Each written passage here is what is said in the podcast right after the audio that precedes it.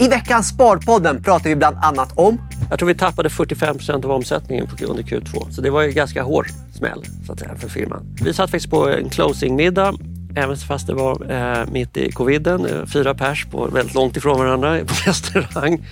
Och då kom det här SPAC upp. Jag tror att den här eh, screeningen som vi håller på med idag eh, är en form av game changer framöver. Veckans gäst är VD för ett investmentbolag som kraftigt överavkastat mot Stockholmsbörsen över tid. Han är dessutom VD för deras SPAC som fortfarande letar efter ett bolag att ta över. Och nu är han här. Det är Bures VD Henrik Blomqvist. Varmt välkommen hit. Tack så mycket. Henrik, du är VD för Bure. Och det har nog säkert jättemånga av våra kärntittare koll på. Men jag tror också det finns många som inte har stenkoll på vad ni faktiskt gör. Kan du göra sån så här hisspitch? Absolut. Bure är ett så kallat investeringsbolag. Eh, vi äger 14 stycken bolag som vi tycker väldigt mycket om, som vi försöker hjälpa till att bli så bra och så framgångsrika i sina affärer som möjligt. Det är våra så kallade portföljbolag och eh, det är det vi tycker är vår roll, att hjälpa dem att bli bättre och mer framgångsrika i sina affärer. Och då ökar det värdet på Bure och Bure blir mer värdefullt. Och i inledningen så sa jag att ni har överavkastat Stockholmsbörsen över tid. Och det brukar ju vara en, eh, någonting man brukar säga är väldigt svårt. Att man kan överavkasta börsen men det är svårt att göra det över tid. Eh, vad, vad har varit liksom era nyckelfaktorer för att lyckas? Jag tror att vår långsiktighet är en av dem. Eh, vi ser saker på eh, kanske ibland ett obehagligt lång sikt. Eh, våra två största innehav har varit delägare i mer än 20 år. Men det grundar sig väl i att jag tror att riktigt stora förmögenheter skapas över lång sikt. Det finns många bra exempel på det i Sverige. Vi kan titta på Securitas, familjen Douglas, H&M och så vidare. Alla de här har haft säkert massor med möjligheter att sälja sina verksamheter. Men att orka och vilja och tycka är kul och äga på lång sikt, det tror jag skapar goda förutsättningar för stora förmögenheter. Nummer två, det är att vi är ganska selektiva. Vi har 14 bolag idag eh, och om vi ska ha fler, ja det kanske blir några fler men på sikt så är det väl ungefär så. Det är vad vi klarar av just nu och då gör man liksom, koncentrerar man sig på de sakerna man ska göra och väljer förhoppningsvis rätt saker att göra. Och av de här bolagen så är inte alla noterade. Nej. Utan en hel del är onoterade. Japp. Hur ser du förhållandet där? Noterat versus onoterat? Ja, det är en väldigt vanlig fråga. Om vi bara investerar i noterat eller onoterat. Och vi är då lite allätare i det här sammanhanget. Eh, eller i, på en på positiv not lite opportunistiska om man säger så. Och det har väl att göra med att eh, vi har inte skurit kakan på noterat och onoterat sektor eller bransch och sådär. Utan vi ser till oftast i situationen.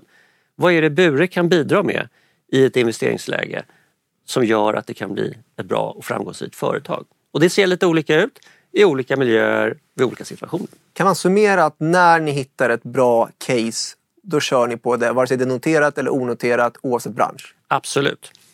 Och det har väl att göra med att Bure som aktie är ju ett investeringsalternativ. Som ett spararalternativ kan man väl säga.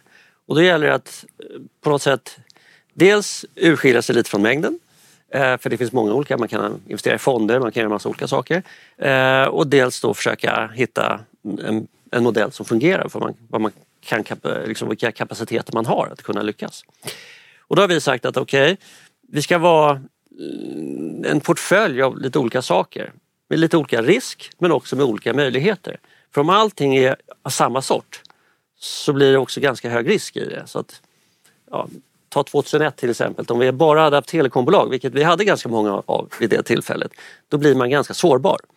Eh, och därför blir det lite olika branscher, lite olika storlekar på bolagen, lite olika mognadsgrad eh, och både noterat och onoterat. Men det är faktiskt en eh, sak jag undrade över. att Om man så här, vissa investmentbolag fokuserar någonting på, på något. Ni har ju en jättespretig portfölj. Alltså det är allt från maskritare i Mycronic till IVF. Och de, det finns liksom ingen rak koppling där. Utan det är att ni... Är det medvetet att ni diversifierar er eller har det bara blivit så för att ni bara hittar lite olika case? Nej, och det är lite medvetet att diversifiera sig eh, riskmässigt. Men också möjlighetsmässigt. Eh, för att det är eh, olika bolag i olika stadier behöver olika saker.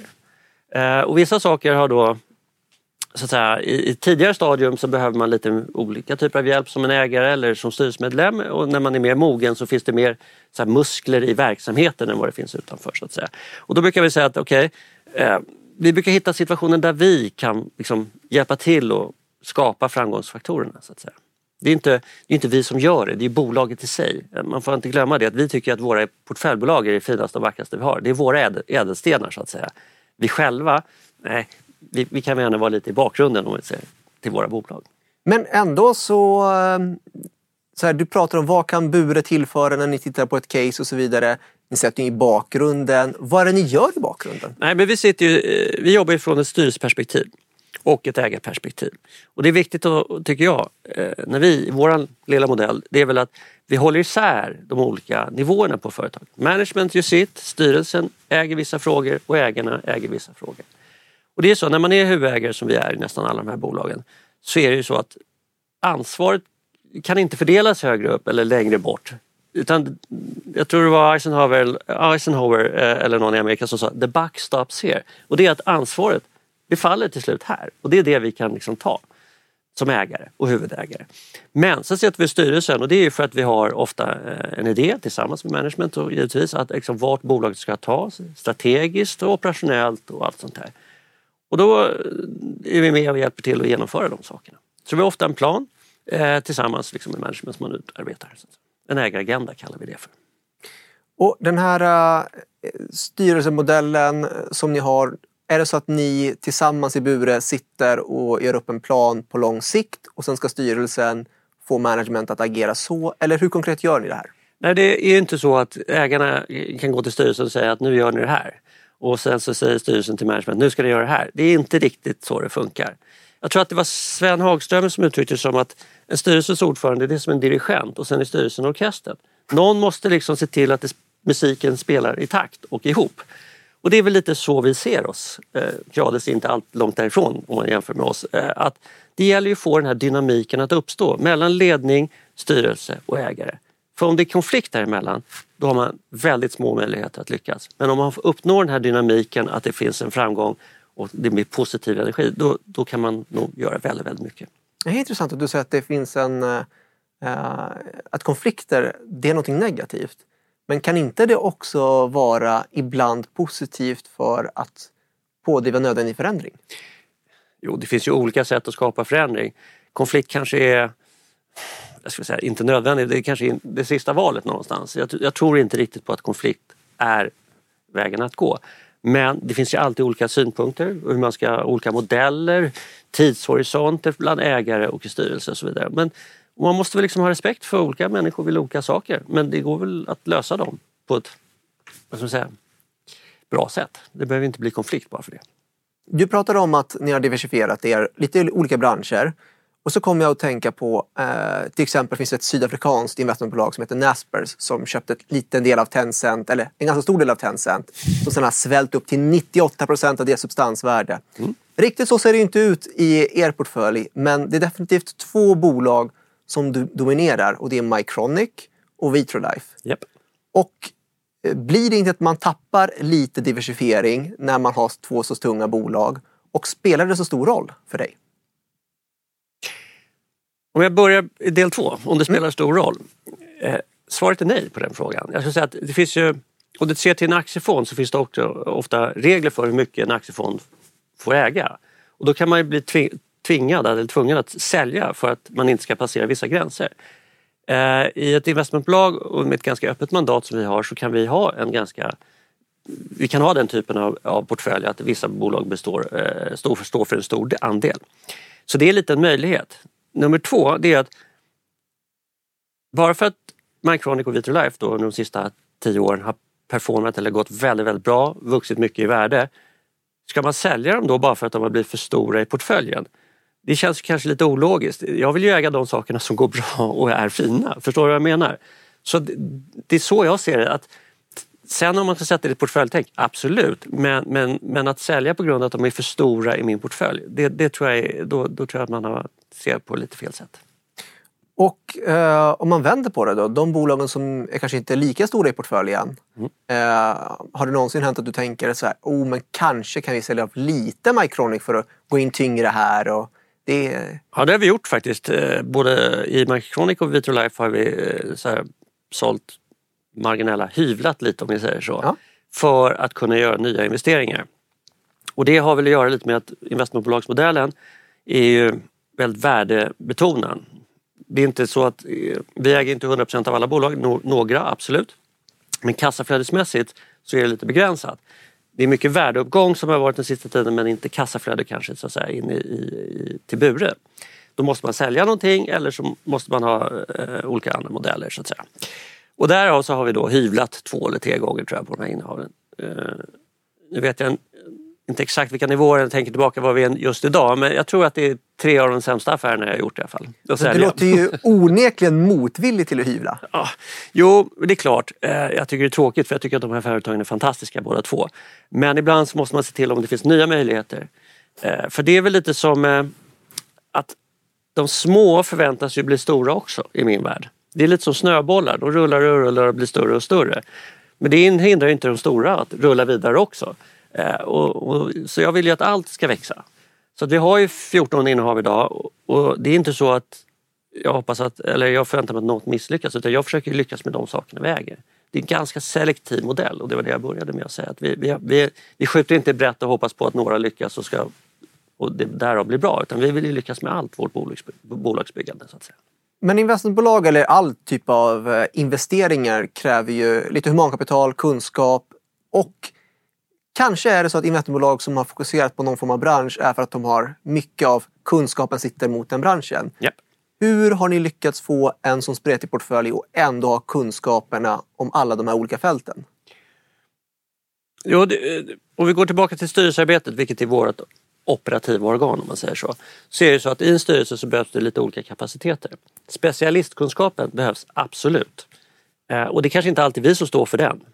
Om vi är typ ordförande då kan vi stå för lagledarrollen så att säga. Och då behöver man inte ha specialistkunskapen för det finns kanske i de andra styrelsemedlemmarna som man väljer in i en styrelse.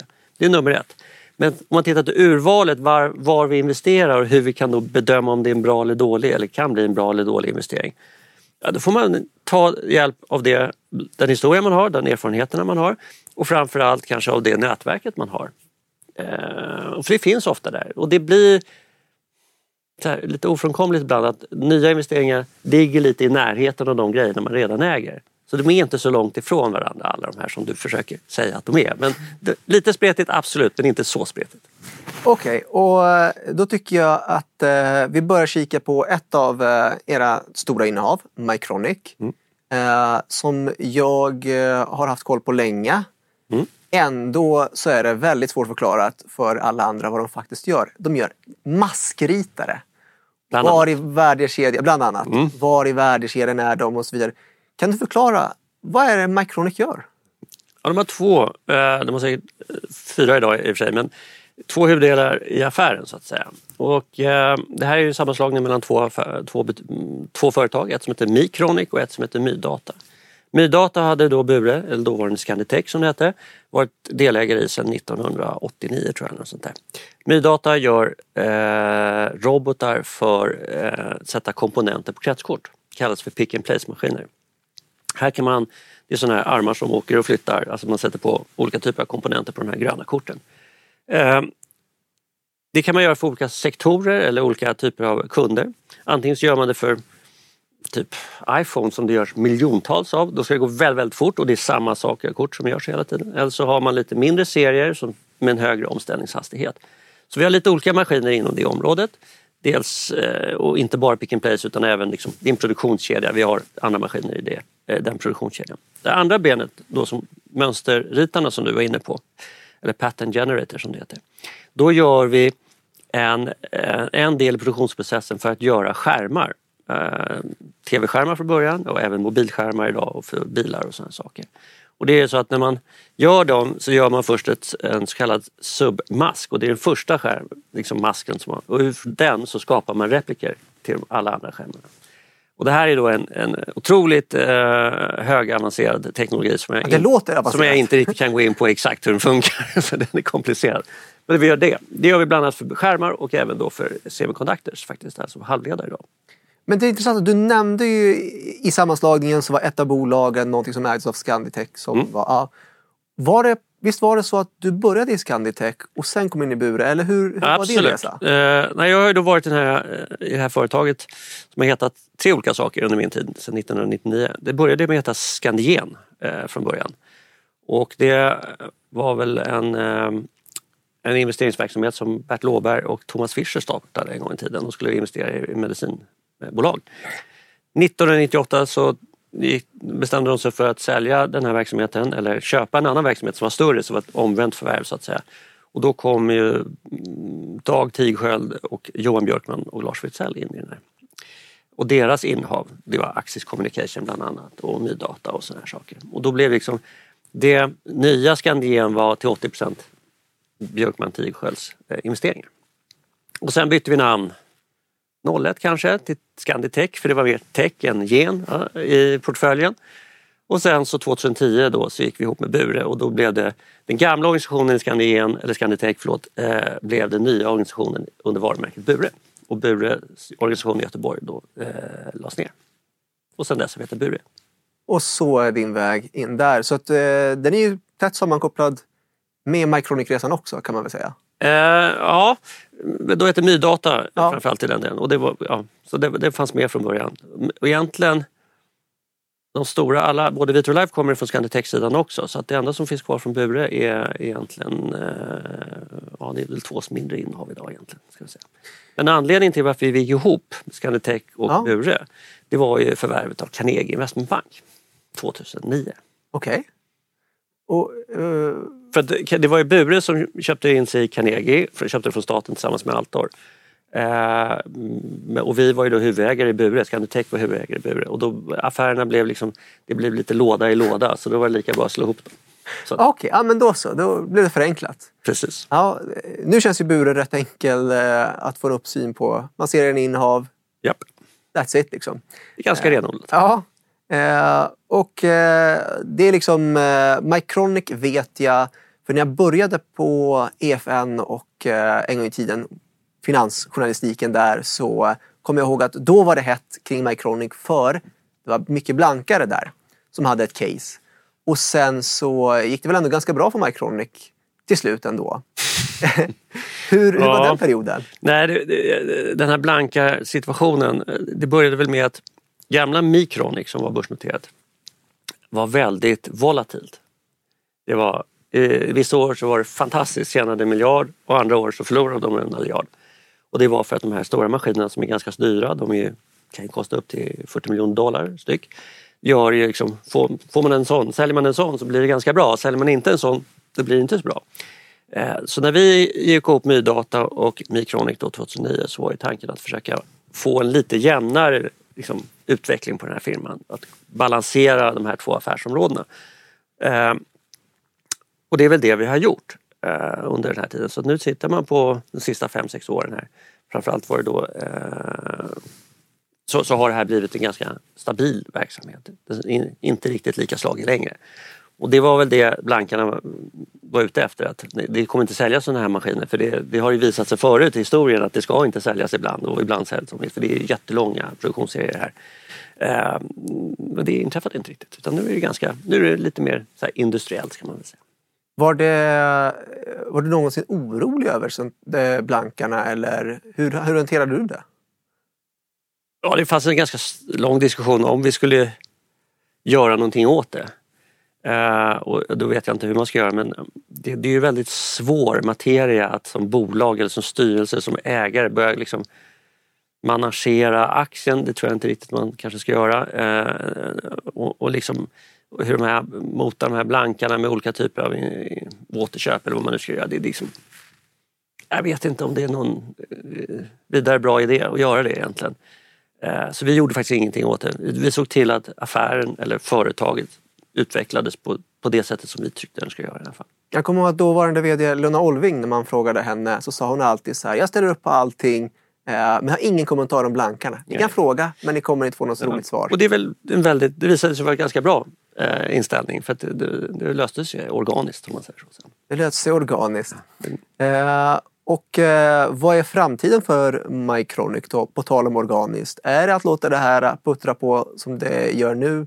Eller är det att göra förvärv? Puttra på vet jag. det kanske fanns något negativt i det, det tror jag inte, hoppas jag inte i alla fall.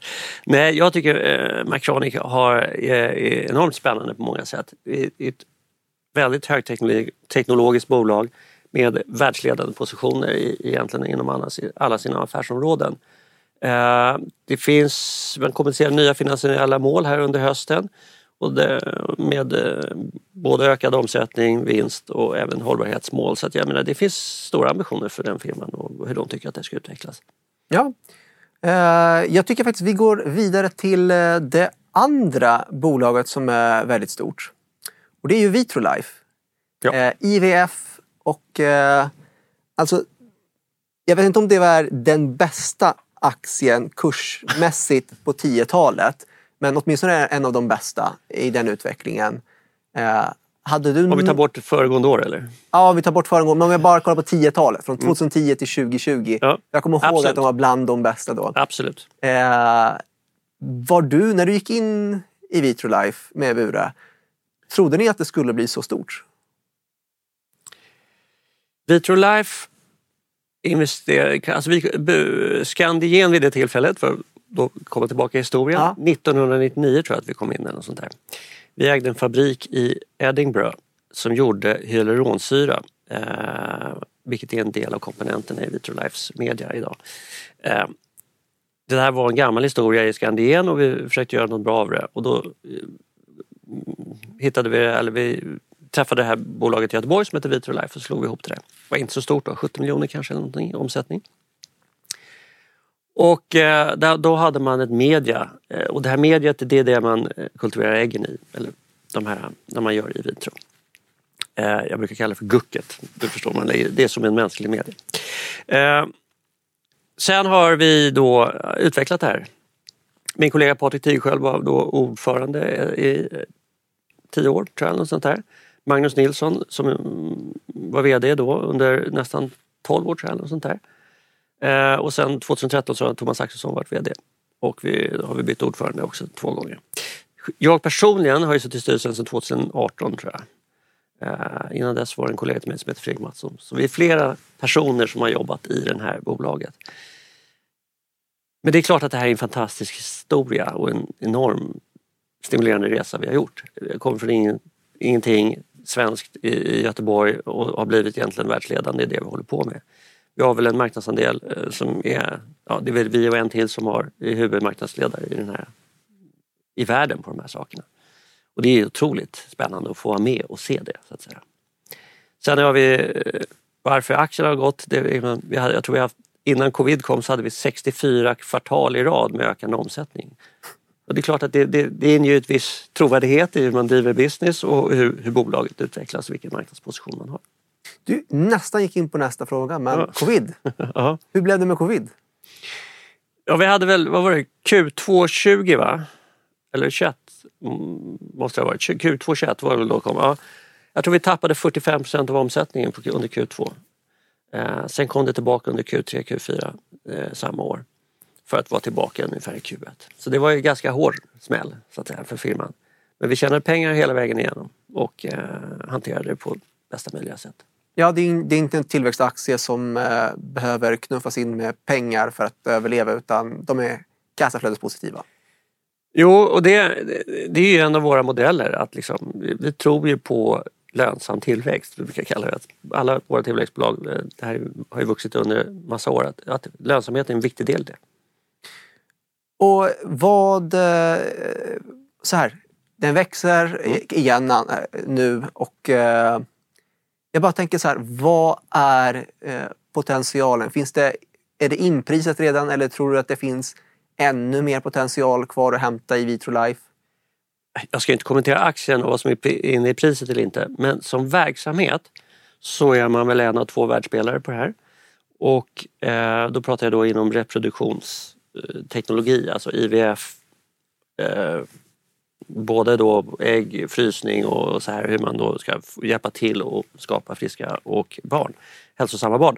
Och, och jag menar, från början så var det här, eh, vi var ju duktiga på det här i Sverige. Redan på 70-talet tror jag Lars Hamberg gjorde den första IVFen i Sverige och så vidare. Men alltså det, vi vet så lite om den här processen hur man gör barn. Eh, alltså, och sådär. Eh, så att jag tror det kommer finnas massor med intressanta möjligheter i den här verksamheten framåt. Och det, det förvärvet gjorde förra året när vi köpte in det här företaget, eller tillsammans förvärvade Igenomics som håller på med screening av liksom foster och ägg för att se att, man, att det är friskt och hälsosamt. Det, liksom, det, det, det kommer komma massa sådana här saker och nya teknologier hur man gör att allting ska gå rätt till. Så att säga. Men om man, eh, det låter som du kommer vara långsiktig i den här. Eh, om man, I, våra, i Vitrolife? Inte i alla, men, nej, nej, men i Vitrolife specifikt eftersom vi pratar om ja, just om... Absolut, vi är alltid långsiktiga. Det, det, vi tycker jag är otroligt spännande. Extrapolera detta, säg 20 år framåt eller 10 år. Finns det något du tror är det här är liksom det här är, kommer vara en game changer? I vitro? Ja. Jag, vet. jag tror att den här eh, screeningen som vi håller på med idag eh, med de här olika typerna av tester på, på DNA och gen, gensekvensering är en form av game changer framöver.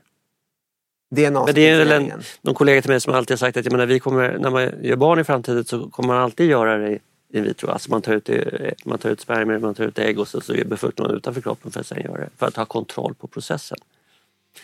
Om det är kul eller bra eller tro, roligt eller tråkigt det vet jag inte men det, det, spelar ingen roll. Men, men jag tror att vi kommer vara väldigt måna om att få kontroll på den här processen så att det blir friska barn. Det, det, tror jag kommer. Och det här, är ett väldigt, det här hjälper vi till med att göra. Det låter ju otroligt spännande om inget annat. Mm.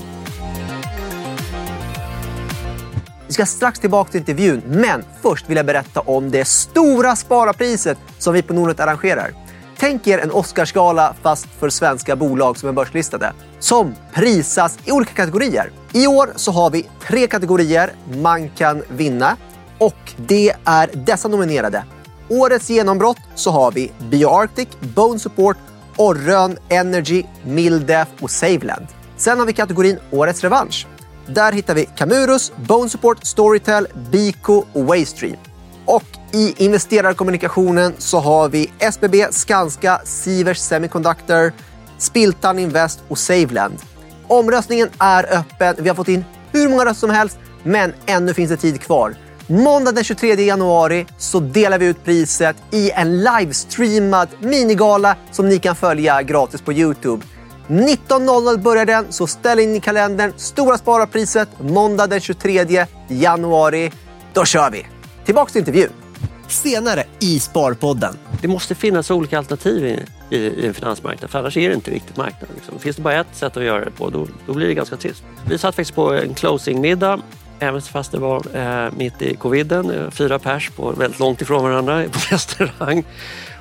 Och så pratade vi om det och då kom det här SPAC upp. Ni kan hitta någonting som kanske är lite för litet. Vad, vad gör ni då? Ja, och det, visst är det så. Eh, det här blir ju som att hitta den här fyrkanten som ska ner i leksaken, du vet när man ska hitta formerna. Och det, är verkligen, det blir lite så.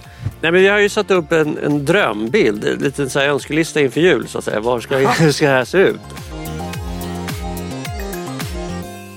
Så här, eh, vi fick, jag kan ta en tittarfråga. Vi fick Absolut. in jättemånga tittarfrågor. Eh, men då är det Mikael Svensson som frågar så här, vilken investering har störst potential på fem års sikt? Och eh, vad är det? Svårt att välja bland sina favoriter, men har du någon du tror har störst potential? Det beror på hur man ser potential. Antingen i kronor eller i procent.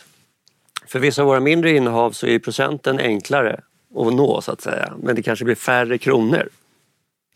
Och har vi då 15 miljarder eller någonting i, i tillgångar som vi ska få avkastning på så, så har ju, eh, och det här har ju då ökat under de sista 8-10 åren som du har sagt. Så då måste man ju liksom hänga med i portföljen så att alla tillgångar eller alla innehaven som vi har kan påverka eh, helheten. Det är en matematisk beräkning så att Jaha. säga. Så att, eh, och där har vi försökt vara ganska noggranna med att inte liksom eh, vi har en lång sladd med, med massa spännande, för det är alltid spännande med nya bolag och mindre bolag i ventureindustri och så vidare. Men, men de kanske inte riktigt kan påverka helheten så att säga. Så hela min ambition är att vår portfölj 14 innehav ska kunna påverka de grejerna, eller våran totala net asset value som det heter. Eh, och i, i, olika mån såklart. Vissa saker är ju mer hävstång i än andra. Uh, och då är det så att om vi tittar på vår portfölj så har vi försökt ha lite olika delar. Någonting som är lite så här jättespännande, så här high reward, 10x eller hur man kallar det där. Vi kallar det för high reward men det är också high risk såklart i ett sånt. Om vi hade en hel portfölj med det, jättespännande men också ganska hög risk. Därför har vi ett annan del av portföljen som vi kallar kanske lite mer kassagenererande. Och det är då sånt som ska kunna ge kassa till Bure. Eh, det är stabilare bolag, eh, vedertagna affärsmodeller, liksom bevisad historia och så vidare. Det är ett annat lite mer ett annat hörn. Och sen så har vi liksom merparten som är vår målavkastning som är 12 procent per år i avkastning per år. Och det är lite så här, det där, där ligger en merparten av våra mm. innehav. Det är klart att vi har ju massor med de här, eller massor, vi har ju flera av de här lite mindre som i superstor potential men det är också lite högre risk så det är lite svårt att säga vilken... Men tycker du någon av dem, av, av dem är extra spännande? Ja, det finns ju massor. Jag menar, Yubico till exempel som är, är delägare som är, är cybersecurity-bolag vad det gäller autentisering eh, på, på, nätet. Det kan ju, det är fantastisk historia också. Funnits sedan 2007 och har 19 av eh, Amerikas 20 största techbolag som kunder och växer hur mycket som helst. Ja, men det, det är fantastiska bolag. Men allt har ju liksom, allt måste vara betydelsefullt i min portfölj. Men många av, det är liksom, vi tycker allting är spännande. Vi tycker ju om de här sakerna. Det är liksom därför vi håller på med det här. Det är kanske är därför ni är så selektiva? Ja men det blir ju så, för annars blir det ju... Eh, alltså, lite så erfarenhet, det gäller, man kan göra mycket bra saker här i världen och i livet. Men det gäller att göra rätt saker. Och har du lite färre saker då, då blir det ofta fokus på rätt saker. Jag var på något seminarium för länge sedan och det var någon som sa något klokt som jag tyvärr inte kommer ihåg vem du var. Men du, det var, eh, det var en intressant tanke. Men han sa någonting att förr så var det så att man hittade tre bolag inom en nisch och så valde man den man trodde hade bäst chans att lyckas och satsade på det. Mm. Och idag med all indexering så gör man inte det utan man satsar en tredjedel på alla tre bolagen hoppas att någon går bra, eh, bättre än de andra två. Så. Mm. Tycker du att det har av allt indexsparande och allt det där att man har tappat den här riskkapitalistgrejen. Att hitta vinnaren i singular. Nej, jag tycker att nog vår finansmarknad har utvecklats ganska eh, på olika delar. Klart indexfonder och sånt har blivit jättestort. Eh, det är därför vi håller på med det här Atle som är lite mer aktiv förvaltning. Eh, för vi tycker att det, det, det är en bra komplement. Sen har det ju hela private equity-industrin som har vuxit som bara den de sista 25 åren och varit fantastiskt framgångsrika. Eh, mer framgångsrika än den tråkiga investmentbolagsmodellen så att säga. Eh, och sen så är det venture-industrin som har kommit och gått. Jag började i venture 95, eh, på med det till 2000. Sen försvann ju ventureindustrin i tio år i Sverige för att nu vara tillbaka här sen, sen tio år. Så att säga. Ja, men det, det går väl lite i trender men jag tycker vi, det måste finnas olika alternativ i, i, i en finansmarknad för annars är det inte riktigt marknad. Liksom. Finns det bara ett sätt att göra det på då, då blir det ganska trist. Liksom. Ja, men kul! Uh, jag kommer gå in på det vi troligen, eller det jag vet vi har fått mest frågor kring. okay. Och uh, frågan är ju så här enkel. Vo, uh, fråga om Buresback. Och det har vi fått i olika format. Så Long story kort, SPAC det är ett bolag som ska leta efter ett annat bolag som de förvärvar. Och ni har en sån i portföljen och du är VD där. Ja. Hur går Bure SPAC? Ora, ja, det, vi har ju startat det här 18 månader sedan, 20 månader sedan. Så vi har väl 15 månader kvar innan den här tiden går ut. Vi letar. Och det har ju varit, marknaden var ju, när vi satte igång det här, vi lyckades väl träffa topparnas topp när vi lanserade den här i mars, eh, ett och ett halvt år sedan. Eh, då var ju liksom, börsen var ju, och aktiemarknaden var ju hur stark som helst första halvåret, första åtta månaderna. Var det lite därför ni lanserade den just då? Nej.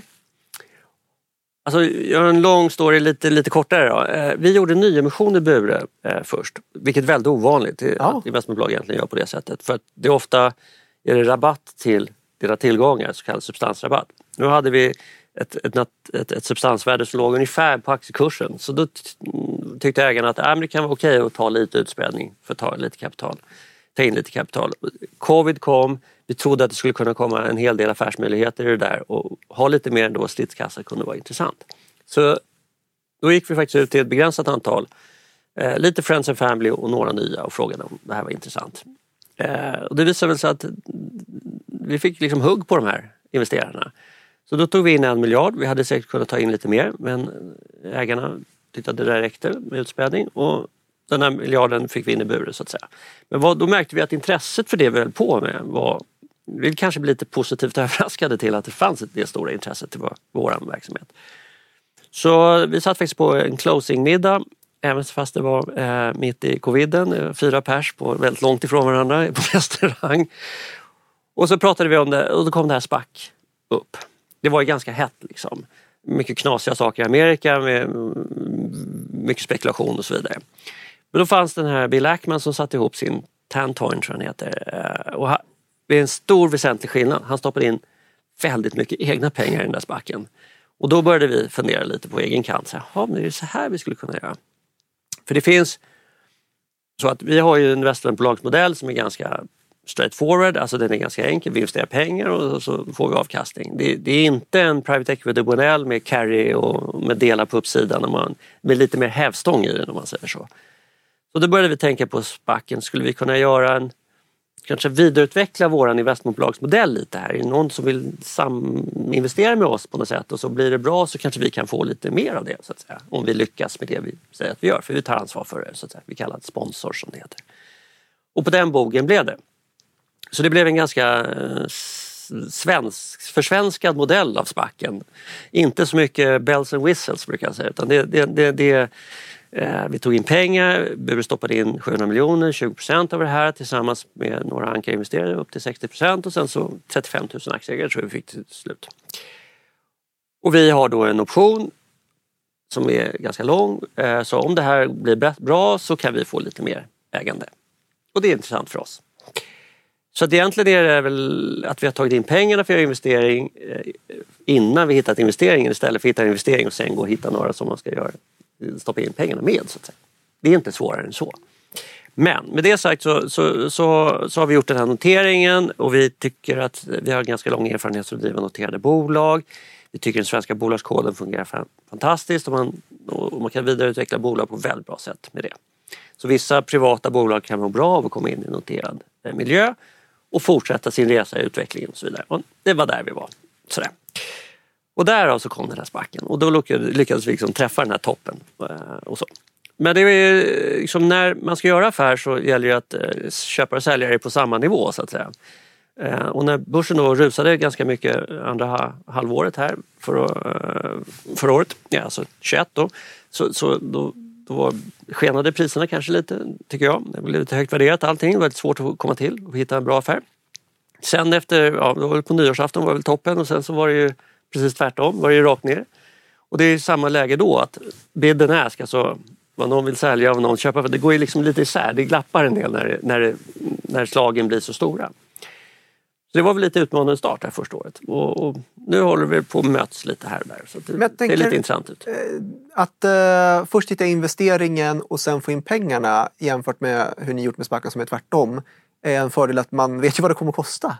Absolut. Eh, hur, hur gör ni med den problematiken? Ni kan hitta någonting som kanske är lite för litet. Vad, vad gör ni då? Ja, och det, visst är det så. Eh, det här blir ju som att hitta den här fyrkanten som ska ner i leksaken, du vet när man ska hitta formerna. Och det, är verkligen, det blir lite så.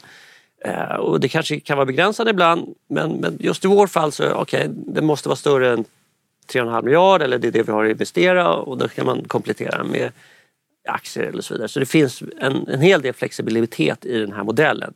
Men storlekskravet att, att investeringen måste vara runt 3 miljarder plus, det, det, finns ju där. Och det är ju så att det är ett ganska stort belopp eh, och det finns ju massa bolag men det kanske inte är jätte, jätte, jätte, jättemånga bolag. Så det finns ett begränsat bolag som antal bolag tittar på. Och för oss är det intressant för vi vill komma åt lite större bolag. Vi behöver få lite större verksamheter i våran portfölj för att det ska kunna påverka vårt värde till slut. Så, För vi kommer ju bli huvudägare i det här bolaget sen efter vi har löst upp den här spacken, så att säga. hittat bolaget, gjort affären. Då kommer ju Bure vara en långsiktig ägare i det där. Så det är så det ser ut. Har du en bild av vilket bolag det kommer vara eller mellan vilka det står i? Nej, men vi har ju satt upp en, en drömbild, en liten så här önskelista inför jul. Så att säga. Var ska, hur ska det här se ut?